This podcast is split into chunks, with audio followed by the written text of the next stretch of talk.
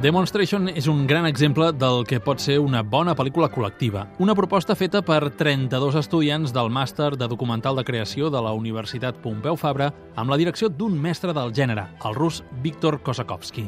Una mirada sobre les controvertides vagues generals a la capital catalana contra el govern espanyol a ritme del ballet Don Quixot de Ludwig Minkus.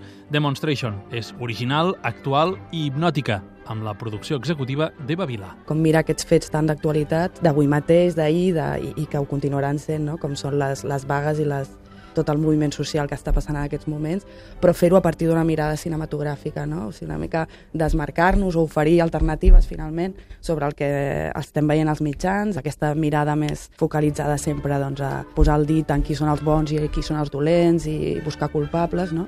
Pablo Martínez és un dels 32 estudiants que han fet possible Demonstration. Todo el mundo se dedica a filmar la destrucción. ¿no? Uh -huh. Yo nunca había visto en una película como la propia gente no se dedica a parar a protestar únicamente, sino se dedica a filmar cómo aquello se derrumba, ¿no? Eso me parece una diferencia radical ¿no? de esta película en relación a otras películas que han tratado manifestaciones.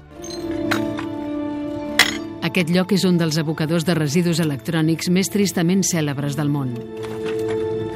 Produïm fins a 50 milions de tones de residus electrònics l'any i cada cop és més freqüent que acabin en llocs com aquest abocador de l'Àfrica. La tragèdia electrònica és un altre dels títols esperats del DOCS. És la nova pel·lícula de la directora alemanya establerta a Catalunya, Cosima Danoritzer, autora de Comprar, llançar, comprar.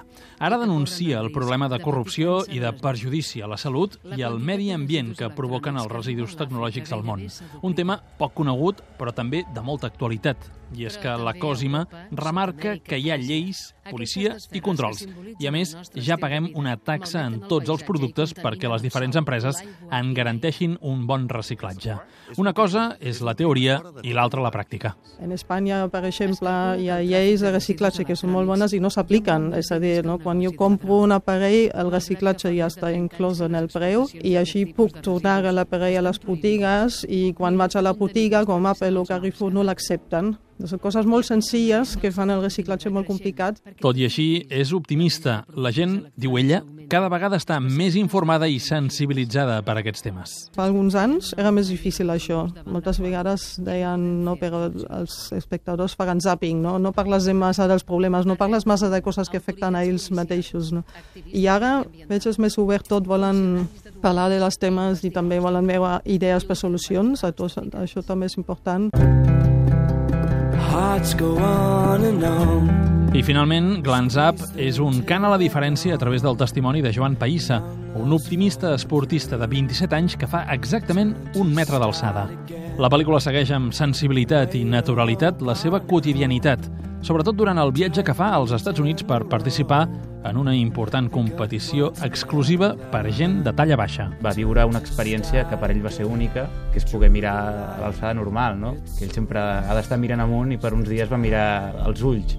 Llavors volíem una mica fer aquest equilibri entre les dues parts, no? una mica la vida normal del Joan, que és la que afronta cada dia, que és és un heroi sense voler ser-ho, no? És l'Oriol Martínez, un dels dos directors de Glance Up Mirant Amunt, fet amb un equip molt petit, molt reduït, i finançat a través d'una campanya de micromecenatge.